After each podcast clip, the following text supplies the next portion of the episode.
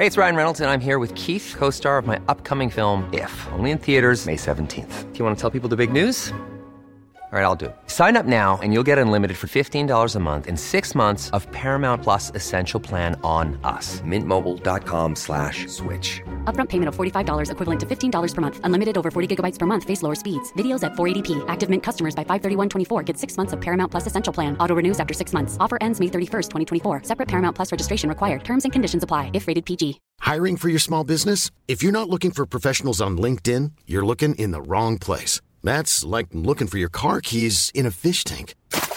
LinkedIn helps you hire professionals you can't find anywhere else, even those who aren't actively searching for a new job but might be open to the perfect role. In a given month, over 70% of LinkedIn users don't even visit other leading job sites. So start looking in the right place. With LinkedIn, you can hire professionals like a professional. Post your free job on linkedin.com slash people today. Life is full of awesome what ifs, and some not so much, like unexpected medical costs. That's why United Healthcare provides Health Protector Guard fixed indemnity insurance plans to supplement your primary plan and help manage out of pocket costs. Learn more at uh1.com.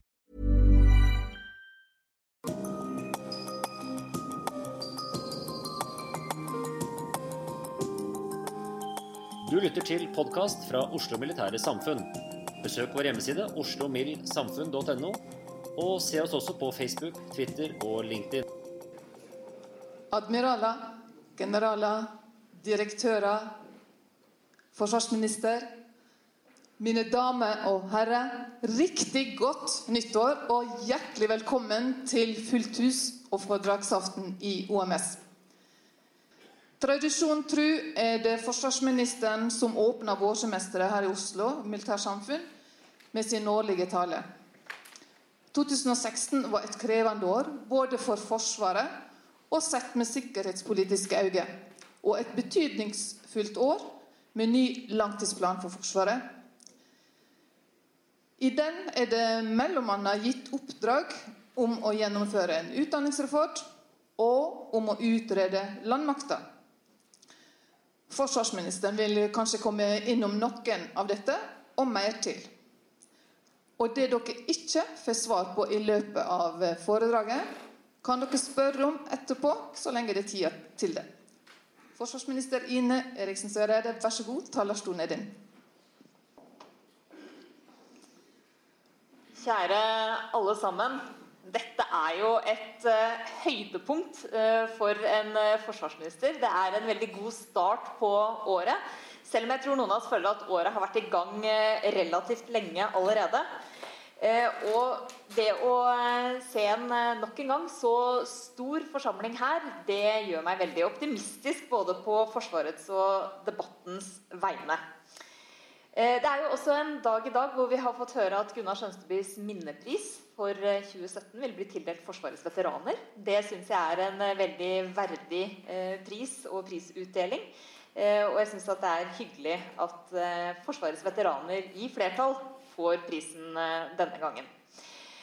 Nå er jo forsvarsministerens årlige OMS-tale etter hvert en institusjon i seg sjøl. Jeg har jo ikke for vane å omtale meg sjøl i tredjeperson. Det er ikke sånn at jeg inviterer familien til forsvarsministerens bursdag og sånne ting, så jeg, jeg prøver å holde det litt mer uformelt. Men det er helt åpenbart at det å starte året på den måten her, sammen med dere, det syns jeg i hvert fall gir et eh, godt løft allerede fra starten. Alt går så fort i våre dager, sang Odd Børresen. Og jeg syns i grunnen ikke det er veldig lenge siden vi var eh, samla her, på omtrent samme tid eh, i fjor. Det har vært et veldig innholdsrikt, et spennende og et krevende år.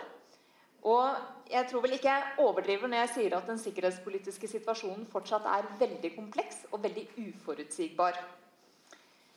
Det er eh, et mer selvhevdende Russland som dominerer sammen med kampen mot voldelig ekstremisme, følgende av konflikt og ustabilitet i Nord-Afrika og Midtøsten.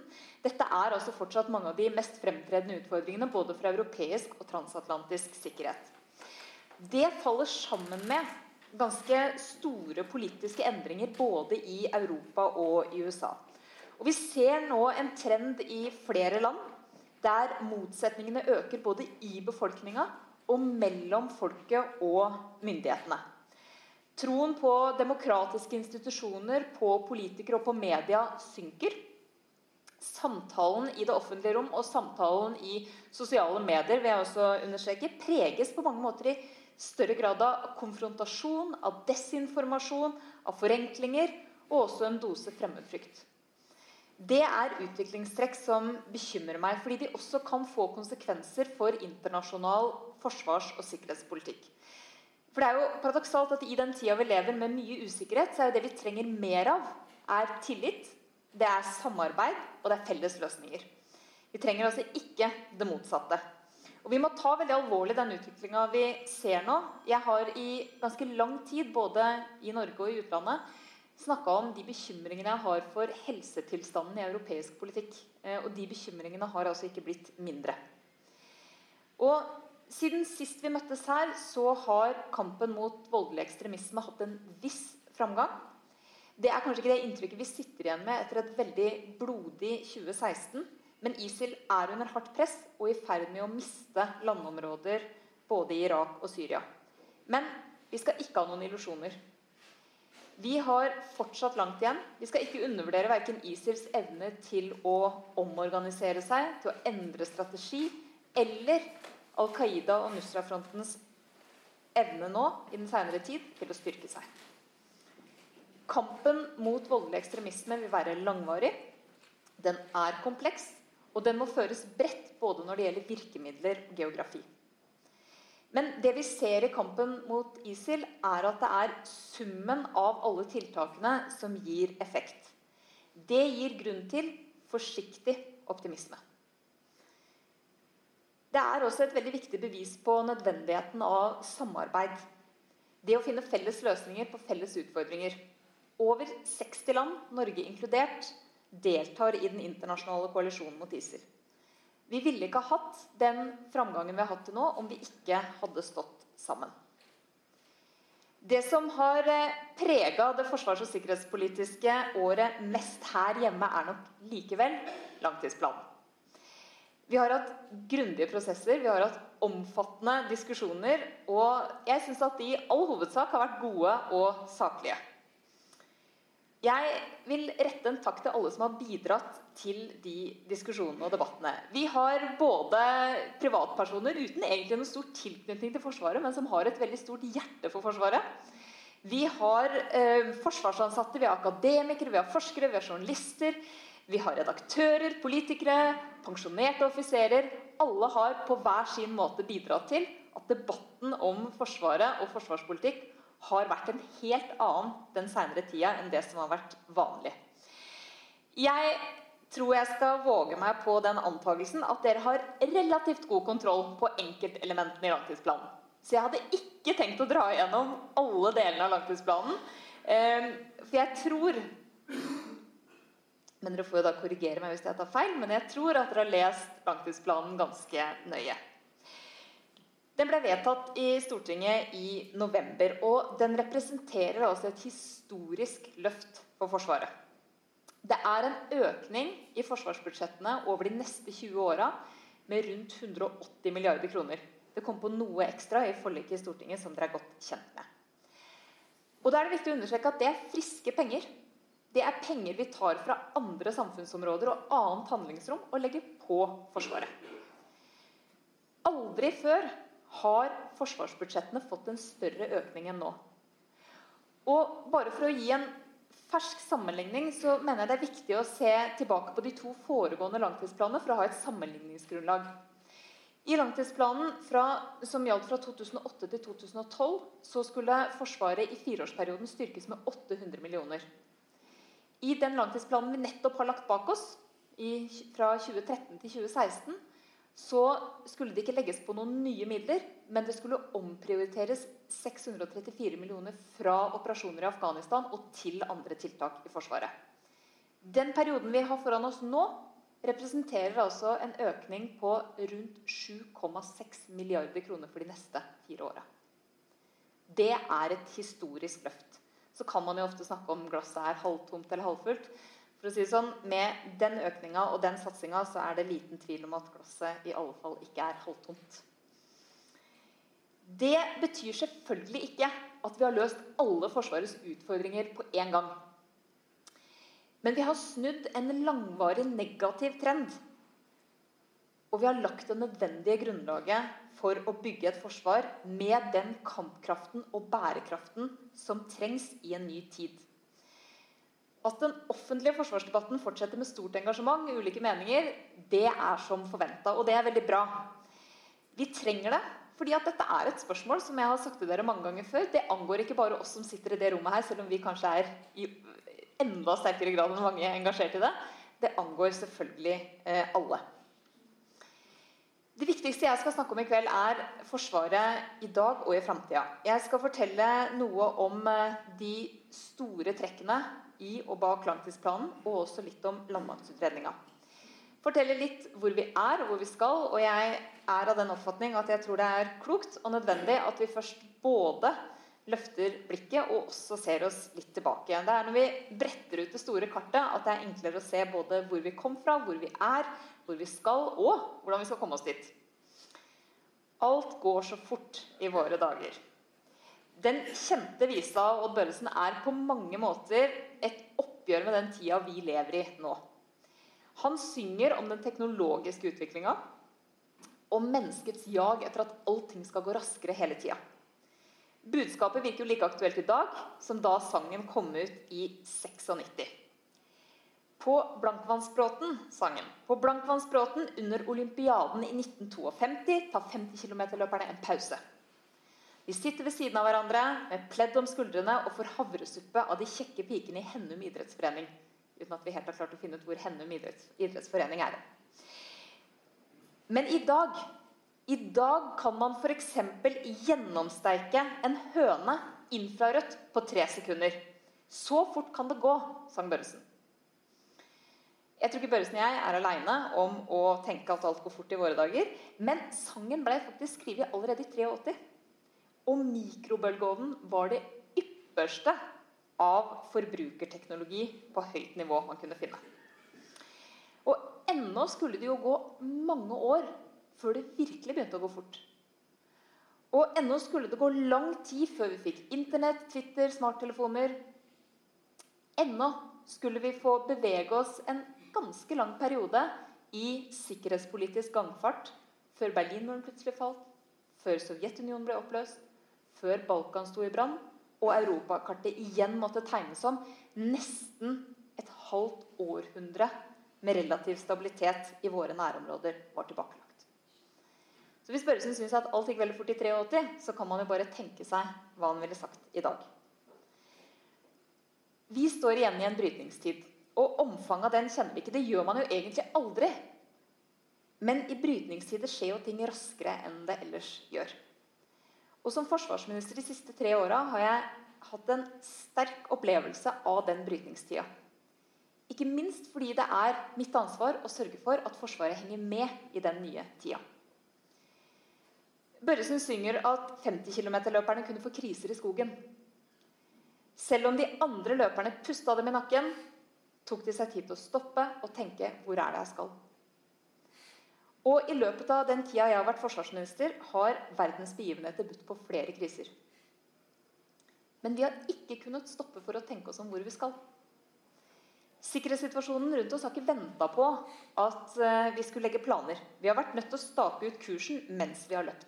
Den første krisa kom våren 2014. Russland annekterte Krim. Det var et alvorlig brudd på folkeretten, på selve rammeverket for internasjonal fred og stabilitet som vi hadde bygd på ruinene av to ødeleggende verdenskriger. Krim gikk fort. Det gikk veldig fort. Ikke lenge etter gikk russiske styrker inn i Øst-Ukraina. Der står de fortsatt og opprettholder en permanent tilstand av destabiliserende konflikt. Sikkerhetssituasjonen for Europa og dermed for oss endra seg nesten over natta. Ikke fordi vi anser Russland som noen direkte militær trussel mot Norge i dag. Men fordi det har skapt en ny grad av uforutsigbarhet og usikkerhet i Europa. Og det må vi forholde oss til i vår forsvarsplanlegging. Russland har alltid vært en dimensjonerende faktor i norsk forsvarsplanlegging. Det har bare ikke kommet så tydelig fram alltid. Og arbeidet med den nye langtidsplanen fikk plutselig et nytt alvor og et mer akutt alvor over seg. Omtrent samtidig med det fikk vi en annen krise. ISIL la i 2014 under seg enorme landområder i Syria og Irak. Med en vold og en brutalitet som sjokkerte en hel verden. Trusselen fra voldelig ekstremisme hadde jo for så vidt lenge vært reell i Europa. Men ISIL tok den nå til et nytt nivå. Det fikk konsekvenser, og det har konsekvenser for vår sikkerhet og for Forsvaret. Dette her er kjent stoff for dere, men jeg synes det er viktig å minne om at det var her vi starta, kort tid etter at regjeringa tiltrådte. Etter mange år med relativt stor fred og stabilitet i våre nærområder kom forsvars- og sikkerhetspolitikk igjen øverst på agendaen. Men det var jo ikke unikt for Norge. Nato er bærebjelken i europeisk og transatlantisk sikkerhetspolitikk. Og de utfordringene som kom, traff oss alle veldig hardt. Enkelte begynte å snakke om at alliansen på nytt ble relevant. Det er jeg helt uenig i. Jeg mener Nato alltid har vært relevant.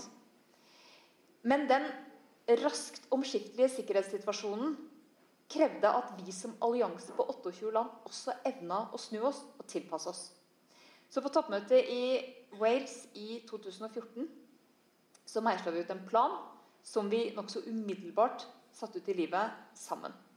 Det ble fulgt opp på toppmøtet i Warszawa i fjor sommer. Økning av forsvarsbudsjettene, bedra kommunikasjon, etablering av en hurtig reaksjonsstyrke, hvor Norge hadde en ledende rolle. Mer øving og trening sammen, beroligelse av våre østlige allierte og en klar, felles, fast og forutsigbar holdning overfor Russlands folkerettsbrudd. Det er klart, det tar tid å snu en årelang nedgangstrend med nedbygging av europeiske lands forsvar. Det er i hvert fall ikke gjort over natta, selv om sikkerhetssituasjonen endrer seg fort. USA forblir garantisten for europeisk sikkerhet i overskuelig framtid. Og samtidig er det ingen tvil om at vi, de europeiske medlemslandene, må ta et større ansvar for vår egen sikkerhet. Men la meg understreke det kravet kom ikke med Donald Trump. Det kravet har vært amerikanernes krav i hvert fall i 20 år. Hillary Clinton snakka om det. Donald Trump snakka om det. Alle amerikanske politikere jeg har møtt i min tid, har snakka om det. Vi tar et tydelig grep om det gjennom den nye langtidsplanen. Vi har mye arbeid foran oss, men Nato har vist at vi som både politisk og militær allianse kan fornye oss, vi kan tilpasse oss raske endringer. Både i omgivelsene våre, i trusselbildet som er retta mot oss. Og vi som en relativt liten nasjon er helt avhengig av at det fungerer. Og La meg bare skyte inn en betraktning der. Det er noen som har hevda at den nye langtidsplanen gjør oss for avhengig av Nato. Jeg mener at den påstanden i beste fall er kunnskapsløs. Uansett hvor mye penger vi hadde brukt på Forsvaret i Norge, så kunne vi aldri fullt ut ha ivaretatt vår egen sikkerhet helt aleine. Det kan ikke andre land heller. Men for Norges del så handler det om at vi er for små, og vi er for få mennesker til at vi skal kunne klare det fullt ut aleine. Det er realiteten. Det har hele tida vært realiteten, og det kommer til å forbli realiteten. Det er enkelte problemer man ikke kan løse bare med penger. Men nettopp derfor så har samarbeidet i Nato, og ikke minst Natos forståelse for nordområdenes viktighet, vært et veldig høyt prioritert område for regjeringa helt fra starten. Det bygger på en langsiktig norsk sikkerhetspolitikk som egentlig stammer helt tilbake til opprettelsen av Nato. Og den har vært praktisert av skiftende regjeringer hele veien siden 49. Det er en sikkerhetspolitikk som er tufta på det transatlantiske samarbeidet, og på at Norge skal ta sitt internasjonale medansvar på en god måte. Vi gjør det gjennom Nato, vi gjør det gjennom FN, og vi gjør det også gjennom andre typer bidrag i operasjoner hvor det er naturlig for oss å delta, og vi har noe å bidra med. Ved å skape sikkerhet ute styrker vi sikkerheten vår hjemme. Det er ikke et enten-eller. Og bidrag til Nato og til våre allierte er den viktigste investeringa vi kan gjøre for også å sikre at andre land hjelper oss i alliansen hvis vi trenger det. Vi har hatt en klar prioritet fra regjeringas side. Og det er både å sikre at Nato får en ny maritim strategi som er oppdatert og treffer trusselbildet og den sikkerhetspolitiske virkeligheten. Da er Nord-Atlanteren og fokuset vårt på Nord-Atlanteren helt avgjørende. Det andre er å fornye kommando- og kontrollstrukturen. Det har også vært helt nødvendig, og vi har nå fått Nato med oss på å starte en gjennomgang av kommando- og kontrollstrukturen. Og alle som på en eller annen måte har hatt en befatning med Nato, vet at det å snakke om kommando- og kontrollstruktur i Nato, det er som å stikke hånda inn i et vepsebol. Det betyr ikke at det ikke er nødvendig å gjøre det innimellom. Og nå er et sånt tidspunkt. Alt går så fort i våre dager. Nyhetshjulet det spinner døgnet rundt. Hele året uten pause. Så la meg bare ta en kort oppsummering av det viktigste vi har holdt på med samtidig som vi har jobba med langtidsplanen. I løpet av denne perioden har vi sammen med Danmark og på vegne av FN og verdenssamfunnet uttransportert Syrias kjemiske våpen. På Natos vegne har vi vokta luftrommet over Baltikum og Island. Vi har vært med på å bekjempe piratvirksomhet i Det indiske hav. Og vi har så langt redda 9843 migranter fra å drukne i Middelhavet. Og vi har også bidratt til å ta om bord mange tusen fra andre båter i Middelhavet. Vi har både leda og deltatt i Natos stående minerydderstyrke. Vi har vært helt sentrale i etableringa av Natos nye hurtigreaksjonsstyrke sammen med Tyskland og Nederland. Og vi har deltatt aktivt i Natos beroligelsestiltak etter eh, Russlands anneksjon av Krim. Det mange kanskje ikke husker, eller som ikke er så kjent, er at eh, da vi skulle sette i gang med de beroligelsestiltakene i 2014, så var det mye diskusjon om vi i det hele tatt kunne seile den stående minerydderstyrken, for ingen kunne stille kommandofartøy. Da stilte vi på veldig kort varsel kommandofartøy, og styrken kunne seile. Vi har fortsatt innsatsen vår i Afghanistan, hvor norske spesialstyrkers mangeårige opplæring av kontraterrorpolitiet i Kabul har blitt en internasjonal anerkjent suksess. Vi bidrar i kampen mot ISIL. Mens vi sitter her, så er norske soldater med på å rådgi, trene og støtte lokale samarbeidspartnere både i Irak og med utgangspunkt i Jordan. Det er en bred koalisjon med over 60 land. Vi har utvikla og etablert nye konsepter for både etterretning og byrdefordeling i FN-operasjoner. Vi fikk jo nettopp hjem Hercules-flyet vårt, som har stått i operasjonen i Mali i nesten ett år. Og vi har etablert en rotasjonsordning som gjør at vi fortsetter å drifte campen, mens andre land kommer inn med fly. Det er kosteffektivt og smart, og det gjør at flere land kan bidra. I tillegg så bidrar vi med stabsoffiserer med nøkkelkompetanse mange steder, bl.a. i Bosnia, Kosovo, Egypt, Midtøsten, Sør-Sudan og Georgia. Fra januar i år så legger vi en fregatt ut eh, på seiling, som skal være kommandofartøy i Natos stående maritime styrke hele 2017. Og 2018 så kommer vi til å være vertskap for den store Nato-øvelsen Trident Juncture. Så da statsminister Erna Solberg i 2014 møtte president Obama, så sa han at 'Norway punches above its weight'. Men så viste det seg jo da at han sa jo egentlig det til alle små land i, i, en eller annen form. Men allikevel så er vi en sånn nasjon som er små, men har viktige nisjekapasiteter. Og vi bidrar mer enn størrelsen skulle tilsi. Vi er gode på nisjekapasiteter, vi er gode på smarte løsninger. Vi gjør det fordi vi kan, og vi gjør det fordi det er i vår sikkerhetspolitiske interesse å gjøre det. Alt dette og mer til har vi holdt på med de siste tre åra. Samtidig har Forsvaret løst alle oppgavene sine her hjemme. Det har Forsvaret fått til på tross av utfordringer. Og det er først og fremst takket være Forsvarets dyktige kvinner og menn at dette har vært mulig å gjøre. Hvis ikke de hadde hatt den standhaftigheten, løsningsorienteringa, pågangsmotet og profesjonaliteten, så hadde det ikke vært mulig. Og jeg kan ikke få rost våre folk nok når det gjelder den innsatsen de har gjort. Og jeg tror mange kanskje ikke er klar over hvor stor innsats Forsvarets personell yter hver eneste dag. Vår langsiktige og ansvarlige sikkerhetspolitikk forutsetter selvfølgelig at vi kan bidra der vi kan. Her står selvfølgelig Nato i en særstilling som en bærebjelke for vår egen sikkerhet. Men samtidig med dette så har vi gjennomført et par stille revolusjoner. Det er ikke meningen å snakke veldig lavt om det, men det er nesten sånn ingen har fått det med seg. Bortsett fra alle her. Vi har også innført en spesialistbefalsordning. Det er noe som kanskje ikke får de største oppslagene i avisen, men som betyr utrolig mye for evnen til å tiltrekke seg og beholde kompetanse i Forsvaret over tid. Det betyr utrolig mye. Vi har også innført allmenn verneplikt. Det var en del som var skeptiske for kun få år siden, men det har blitt en eh, stor suksess så langt. Og mange av mine kollegaer kommer til Norge bare for å se på akkurat det. Og hvordan vi gjennomfører det, og hvilke erfaringer vi har gjort oss. Det er kjempespennende arbeid. Natos kollektive sikkerhetsgaranti forutsetter selvfølgelig at vi sjøl har et godt og kapabelt forsvar. At vi er i stand til å holde oppsyn med grensene våre, territoriet vårt, luftrommet vårt, havområdene våre. Både for vår egen del og selvfølgelig også på vegne av Nato. Norge er Nato i nord.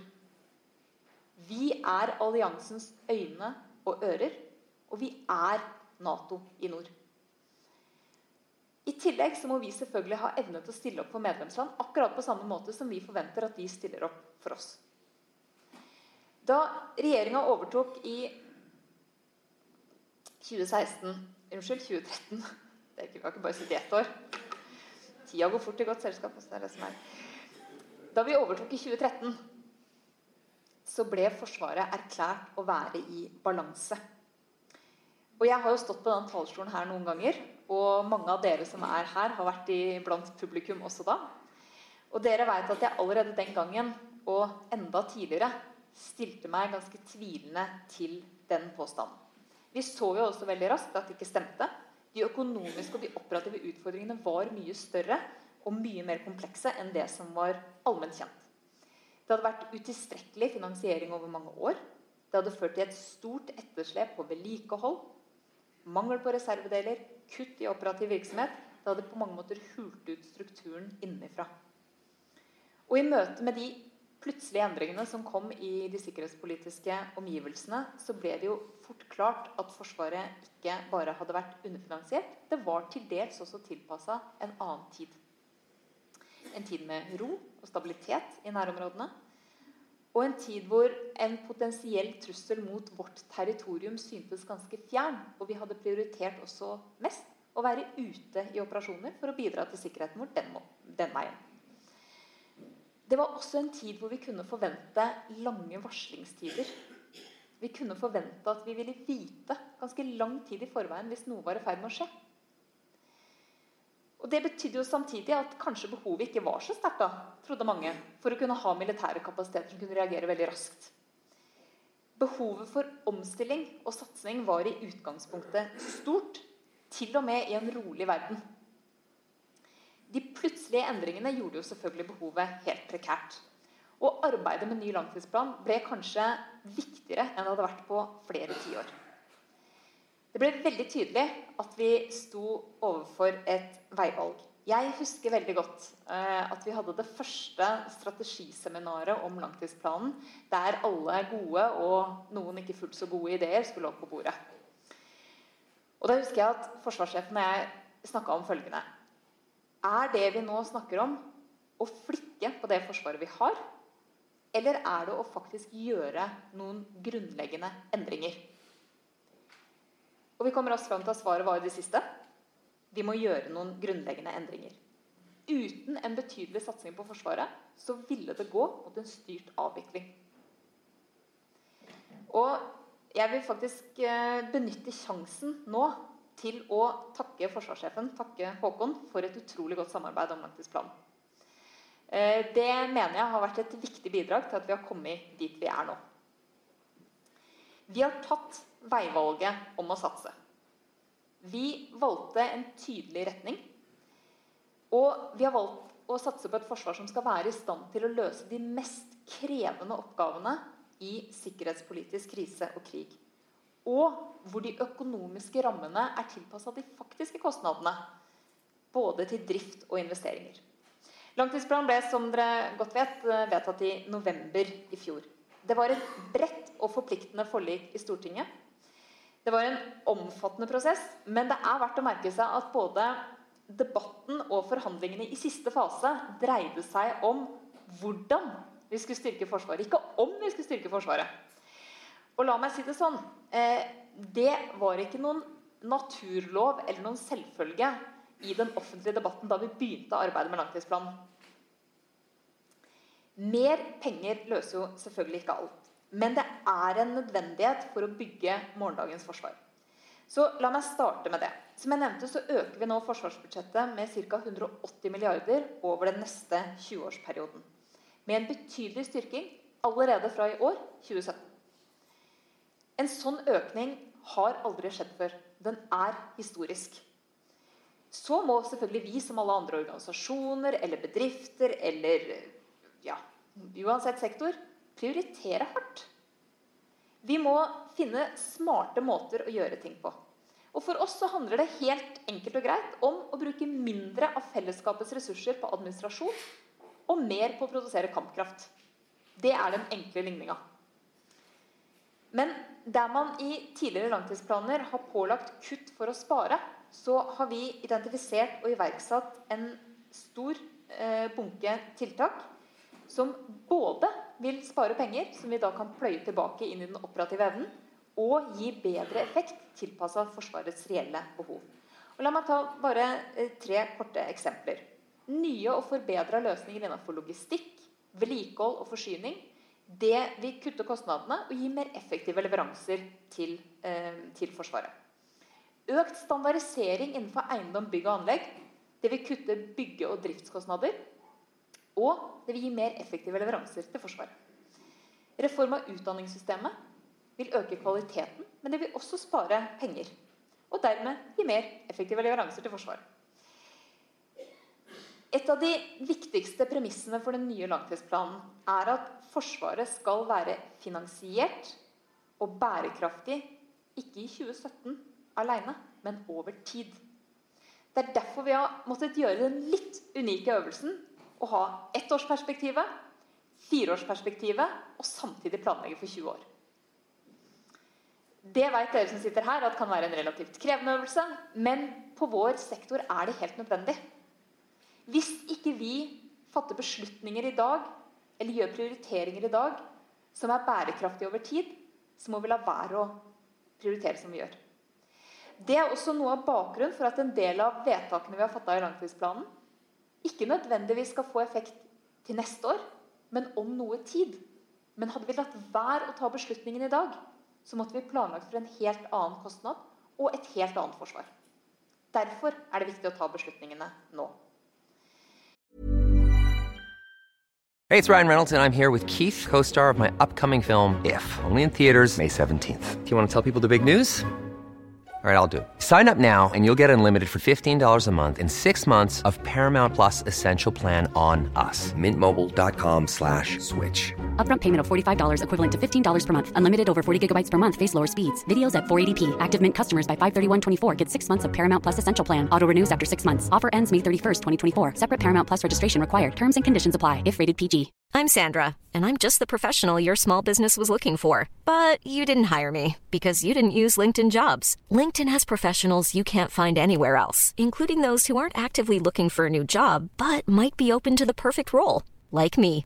In a given month, over 70% of LinkedIn users don't visit other leading job sites. So if you're not looking on LinkedIn, you'll miss out on great candidates like Sandra. Start hiring professionals like a professional. Post your free job on linkedin.com/people slash people today. Og i den grad noen eh, har vært i tvil, så vil jeg understreke at vi i de økonomiske beregningene har lagt til grunn både de store budsjettøkningene, gevinstene av effektiviseringstiltak, men også innsparingene forsvarssektoren, som alle andre sektorer i Norge, er pålagt som en del av avbyråkratiserings- og effektiviseringsreformen. Den nye langtidsplanen eh, er, som dere kjenner godt til, delt inn i tre faser. Og det vil altså si de første fire åra. Det første vi skal gjøre fra og med dette budsjettet er å få det forsvaret vi har, til å virke. Vi fyller opp reservedels- og beredskapsbeholdninger. Vi tar inn det mangeårige etterslepet på vedlikehold. Vi har jo egentlig for lengst starta det arbeidet, bl.a. med ekstrabevilgninger i fjor til Sjøforsvaret på i overkant av 300 millioner kroner. Vi har også gjort store investeringer i E-tjenesten for at vi skal ha en moderne og relevant etterretningstjeneste som vi er helt avhengig av for å kunne fatte riktige beslutninger og for å vite hva som skjer. Da regjeringa tok over, så var det stort sett et bilde at tre av fem fregatter lå til kai. På Sjøforsvarets årlige storøvelse Flotex i november i fjor var fire av fem fregatter ute og seilte samtidig. Vi hadde samtidig med de fire fregattene fem korvetter ute og seilte. Og samtidig med alle de hadde vi tre ubåter ute og seilte. Alt skjedde samtidig. Det, kjære venner, er en helt ny virkelighet. Og med en tilførsel på 2,2 milliarder friske kroner i budsjettet for 2017 så skal vi få det grunnleggende på plass i hele Forsvaret. Og jeg veit at forsvarssjefen har skumle planer for å sette i gang vedlikeholdsarbeidet i 2017. I neste etappe legger vi ytterligere penger på toppen av de pengene som nå ligger i 2017-budsjettet, for å skru opp den operative aktiviteten. Vi skal fly mer, vi skal seile mer, vi skal øve mer og trene mer. Både avdelingsvis fellesoperativt og sammen med våre allierte.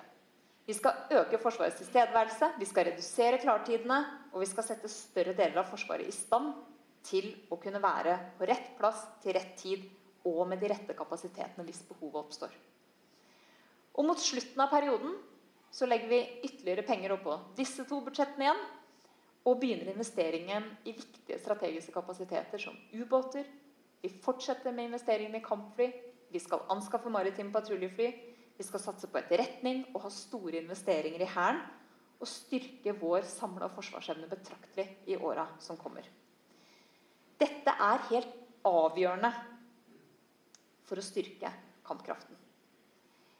Men det er også helt sentralt for å ha evne til oversikt og kontroll over enorme havområder, over eh, et stort landterritorie og over det som skjer i verden rundt oss. Overvåkning av den nordlige flanken til alliansene er en jobb vi gjør på vegne av Nato. Og det er veldig viktig at vi gjør den sjøl for å ivareta den stabiliteten og forutsigbarheten som er så viktig i våre nærområder. Med den nye langtidsplanen så legger vi grunnlaget for et forsvar der alle delene kan fungere godt sammen. Der hvor vår samla forsvarsevne er større enn summen av de enkelte forsvarsgreinenes kapasiteter. Og hvor vi sikrer at det er penger til å drifte det forsvaret vi har vedtatt. Vi kommer selvfølgelig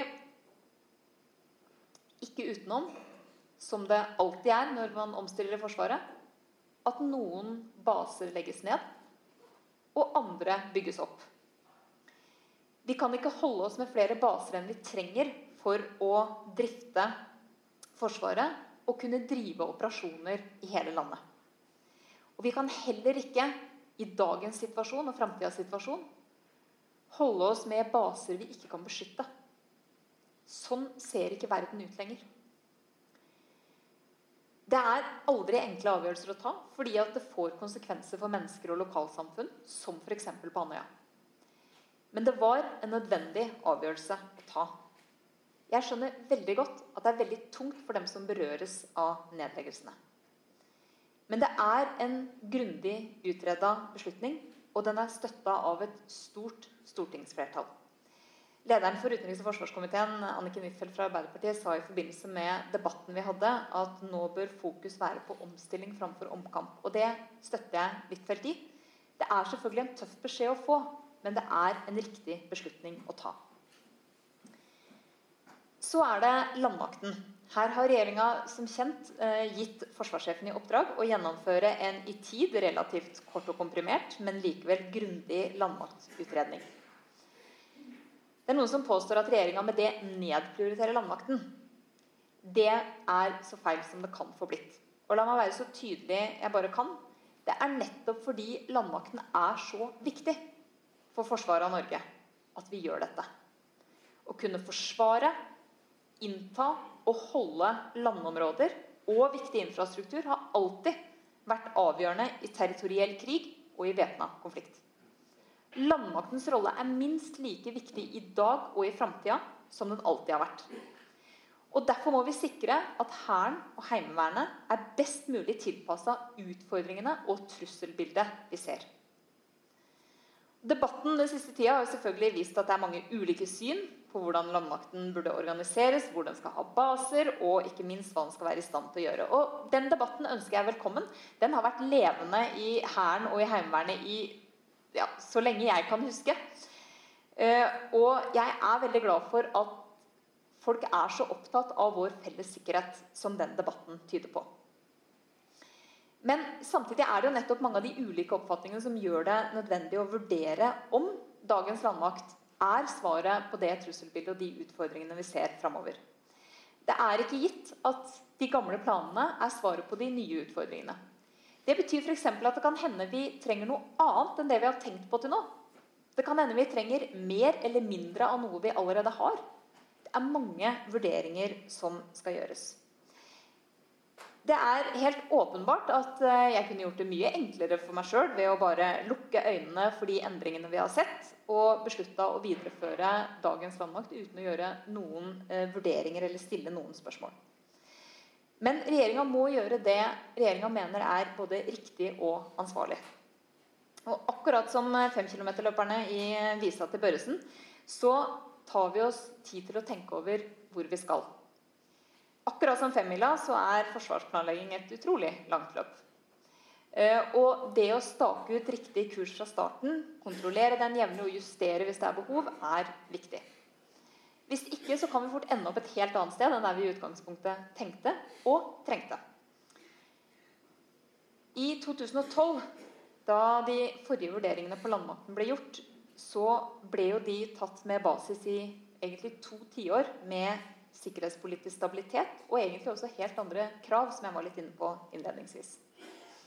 Og det er på tide å kontrollere at det fortsatt stemmer, og ved behov kunne justere. Det betyr jo ikke at vi stopper opp. Tvert imot.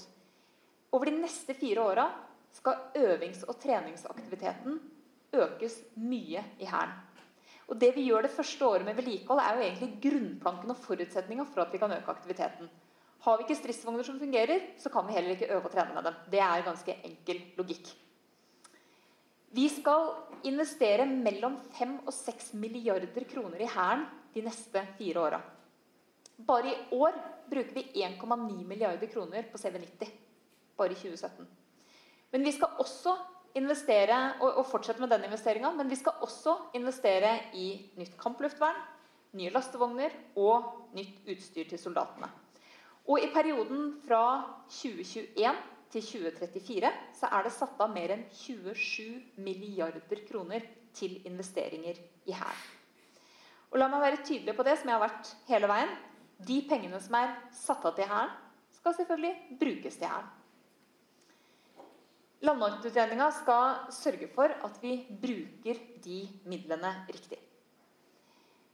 Kjære venner, Med den nye langtidsplanen så tar vi egentlig Forsvaret inn i en ny tid. Men selvfølgelig betyr ikke det at alle utfordringene er løst med et pennestrøk. Det kommer til å kreve masse jobbing. Det kommer til å kreve masse jobb fra oss i departementet. Det kommer til å kreve masse jobb, ikke minst i Forsvaret, men også i alle etatene. Dette er jo egentlig den første langtidsplanen som ordentlig tar høyde for at ikke bare Forsvaret skal ha en langtidsplan, men at alle etatene i hele sektoren må være med på å underbygge forsvarsevnen. Jeg føler meg veldig trygg på at den planen Stortinget har vedtatt etter det regjeringa la fram, er det som vil styrke forsvaret av Norge. Det gir en helt nødvendig, men også historisk økonomisk satsing på Norges forsvarsevne. Og det er en plan som for første gang tar inn over seg den særegne kostnadsveksten i sektoren. Jeg kan ikke tenke meg noen annen forsamling der man kan få frysninger av en sånn påstand, men det vet jeg at dere kan. Det å ta opp det som egentlig har ridd forsvarssektoren som en mare i årevis, nemlig at kostnadsutviklingen går fortere enn det man får kompensert, det har vært helt nødvendig. Vi har jobba tett sammen med Finansdepartementet. Og det har vært viktig fordi hvis vi ikke kompenserer den erfarte kostnadsveksten, så bare fortsetter vi å undergrave og uthule forsvarsbudsjettene. Du vil aldri kunne holde tritt. Det er en utrolig viktig bestanddel og bærebjelke i bærekraften til denne planen. Det er en plan som er realistisk, den er finansiert, den er bærekraftig og den er gjennomførbar. Og den har solid forankring i Stortinget, faktisk sterkere enn på flere tiår. Bak det arbeidet her ligger det selvfølgelig titusenvis av arbeidstimer. Med grundige fagmilitære vurderinger, vi har hatt økonomiske utredninger, og ikke minst har vi gjort utredninger av en rekke ulike modeller. Det gjør man jo alltid i sånne typer arbeid, for å se hvordan ulike ting slår inn. Vi har jobba hardt i departementet, og vi har også engasjert alle etatene. Eh, og særlig har jo FFI vært veldig viktig for det økonomiske grunnlaget, og også en del av simuleringen av de militære eh, eh, forslagene og også modellene. Men vi har også henta inn uavhengige eh, vurderinger. Eh, jeg ser at Rolf Tamnes sitter her, leder av ekspertgruppa for forsvaret av Norge, som var et veldig viktig bidrag inn i diskusjonen. Og vi har også gjort bruk av eh, McKinsey og også andre som har gitt innspill på ulike områder. Men aldri før i historien har en langtidsplan vært grunnlag for så mye analyser som denne langtidsplanen. Så kan man jo selvfølgelig likevel alltids mene at landet ikke vil kunne la seg forsvare uten en bestemt avdeling, en bestemt base eller en bestemt kapabilitet. Og den debatten kan man gjerne ta. Men det som gjør det krevende å ta den debatten, er at det har begrensa verdi å diskutere én enkelt forsvarsgrein eller én avdelings beliggenhet eller ett våpensystems kapasiteter uten å se helheten. Det er det som gir forsvarsevne. Det er summen av alle komponentene og hvordan de virker sammen. Jeg mener vi har fått den beste planen vi kunne få i både det sikkerhetspolitiske landskapet vi har rundt oss, og også med de nødvendige økonomiske opptrappingene som ligger der. Det er etter min oppfatning helt nødvendig at vi gjør dette felles løftet. Nettopp fordi vi har en sikkerhetspolitisk usikker og uforutsigbar framtid. Og jeg skal avslutte med å si litt om den om framtida. Når vi står ved inngangen til 2017 nå, så er det veldig lite som tyder på at det kommer til å bli mer forutsigbarhet eller mindre krevende enn det forrige året når det gjelder forhold som påvirker forsvars- og sikkerhetspolitikken. Norsk sikkerhet påvirkes i aller høyeste grad av konflikter, av global maktforskyvning, av fremvoksende stormakter, av uenighet om mål og virkemidler for å sikre internasjonal fred og stabilitet. Vi har en mye sterkere gråsoneproblematikk som følge av både statlige og ikke-statlige aktører på tvers av og innenfor landegrenser tar i bruk ulike virkemidler for å nå sine mål. Det er mange som har eh, sett at eh, begrepet hybrid krigføring har fått en liten renessanse i vår tid. Og det er jo viktig å kalle det nettopp det, for det er jo ikke noe nytt. Vi har jo hatt det bestandig, men med litt ulike fortegn. Jeg tror noe av det viktigste å erkjenne med bruk av hybride virkemidler, er at de jo først og fremst er designa for å lage usikkerhet i beslutningsprosesser. Er det et angrep, eller er det ikke? Er det over eller under en terskel? Dette er jo mange av de beslutningene som gjør det så, eh, mange av disse som gjør det så vanskelig å fatte de riktige beslutningene. Så ser vi at voldelig ekstremisme har eh, grobunn i sårbare og svake stater. Og terrortrusselen har jo dessverre blitt en virkelighet vi må forholde oss til i lang tid, også her hjemme. Borgerkrigene i Syria er inne i sitt eh, sjette år. Enorme humanitære lidelser. Voldsomt mange aktører og et komplekst bilde. Det er ingen tillit mellom partene. Nå har Sikkerhetsrådet enstemmig gitt støtte til en våpenhvileavtale og tatt initiativet til fredsforhandlinger. De gir jo grunnlag for forsiktig optimisme. Men veien til stabilitet, varig fred og ikke minst gjenoppbygging er jo enormt lang. Utviklinga i Russland er bekymringsfull. Russerne viser jo en stadig mer selvhevdende rolle i sin såkalte interessesfære og også i internasjonal politikk. Og vi må være forberedt på at motsetningsforholdet mellom Nato og Russland kan bli langvarig, og at Europa også i åra framover må ha den forsvars- og sikkerhetspolitiske oppmerksomheten retta østover.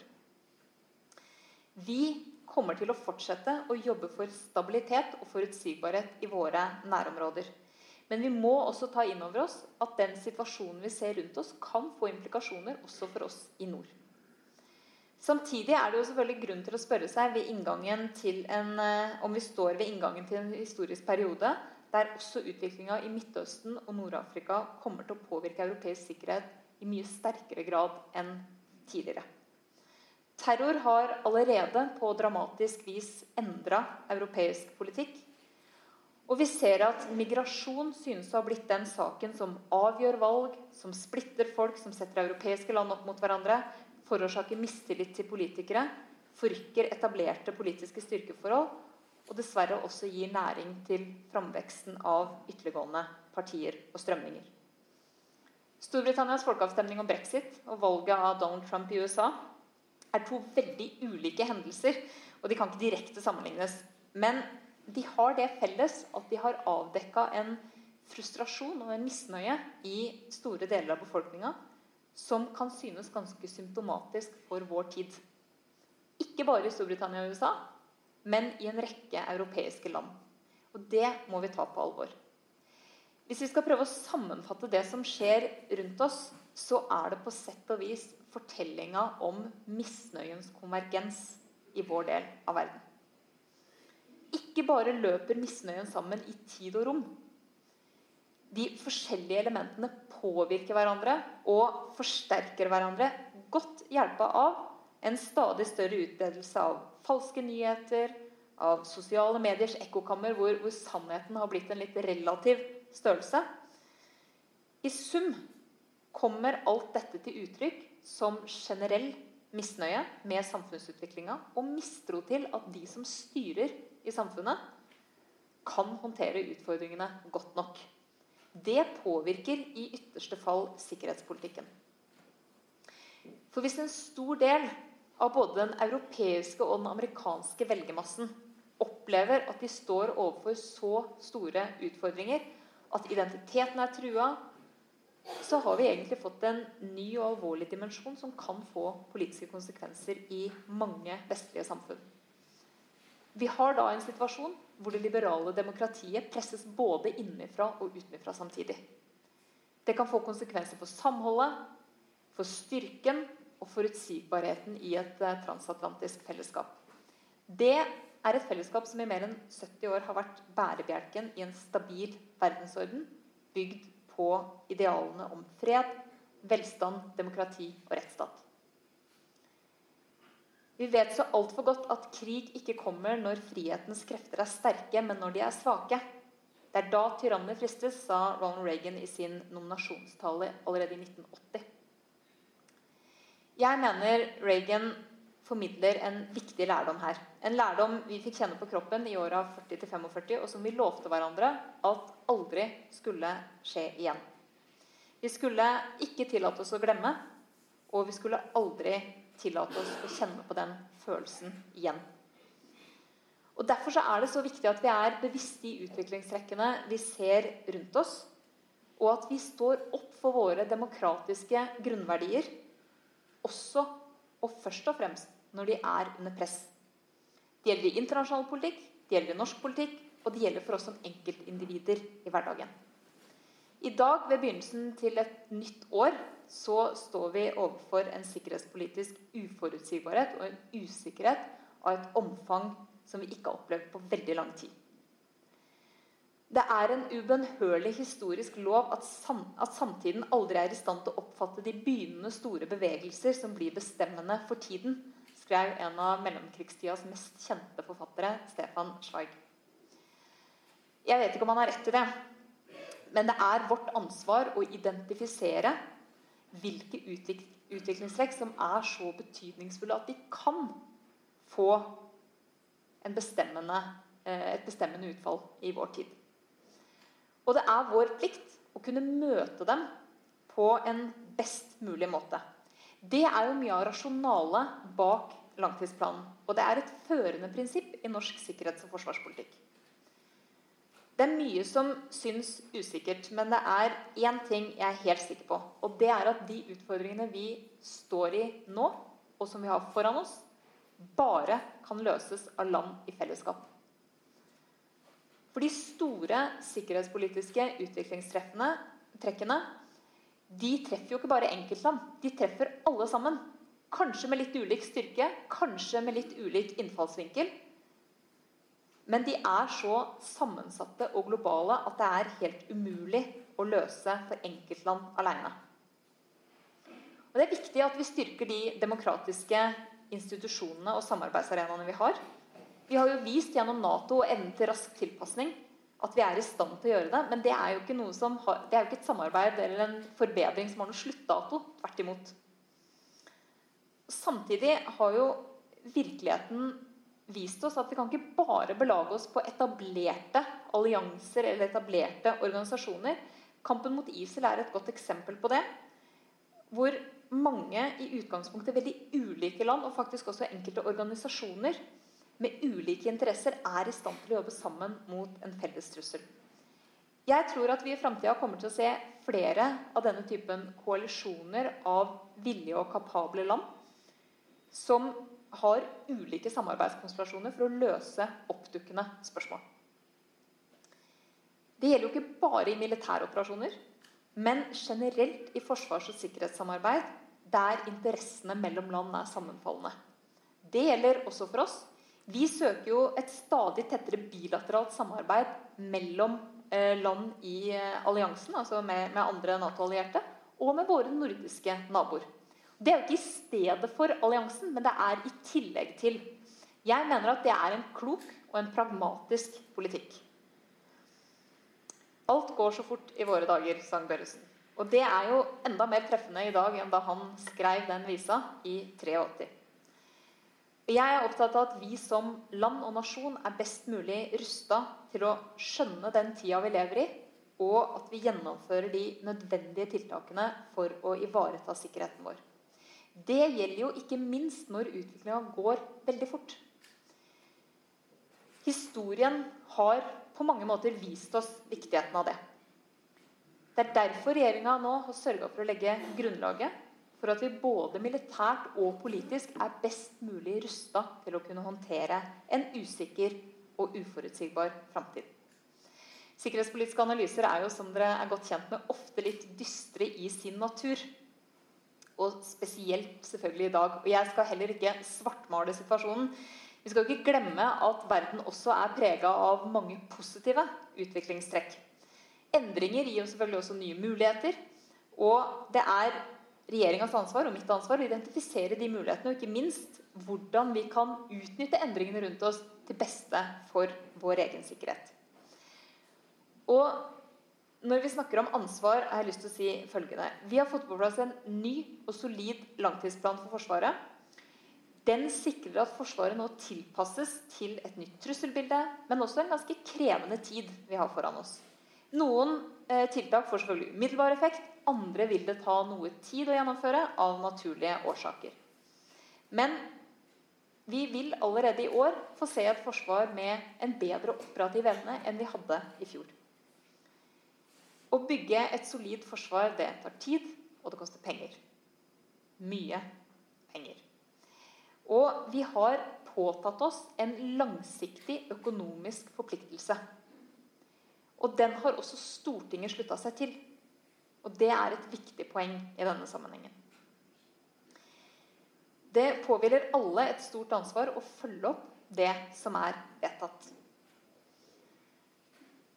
Det ligger også et stort ansvar for alle oss som på en eller annen måte jobber i forsvarssektoren. Enten det er eh, politisk ledelse i departementet, eller det er Mette i FMA, eller det er andre som jobber med disse tingene. Vi har fått tildelt en vesentlig del av fellesskapets midler. De må vi forvalte klokt og fornuftig. Det er penger som ellers hadde gått til skole, til samferdsel, til sykehus. Men vi har valgt å prioritere dette. Jeg vil få rette en stor takk til alle dere for at dere kom i kveld. Børresens 50 km-løpere har jo da Blankvannsbråten, hvor de stopper for å gjøre opp status og reflektere litt. Vi har Oslo Militære Samfunn. Eh, og jeg syns det er veldig hyggelig at eh, så mange hadde lyst til å tilbringe tida her og stoppe litt opp.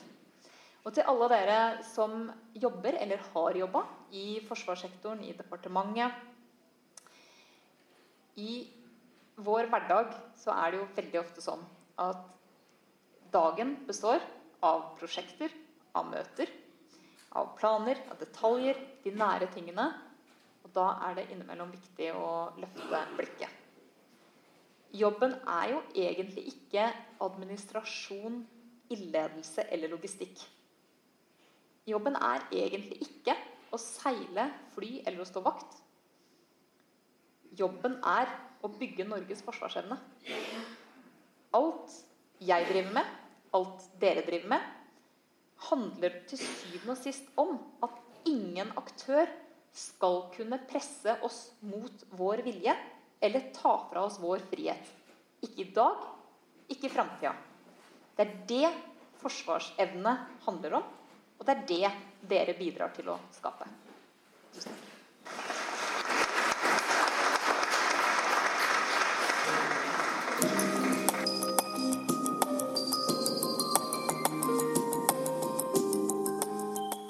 Har hørt podkast fra Oslo Militære Samfunn. Besøk vår hjemmeside oslomildsamfunn.no, og besøk oss gjerne på sosiale medier som Facebook, Twitter og LinkedIn.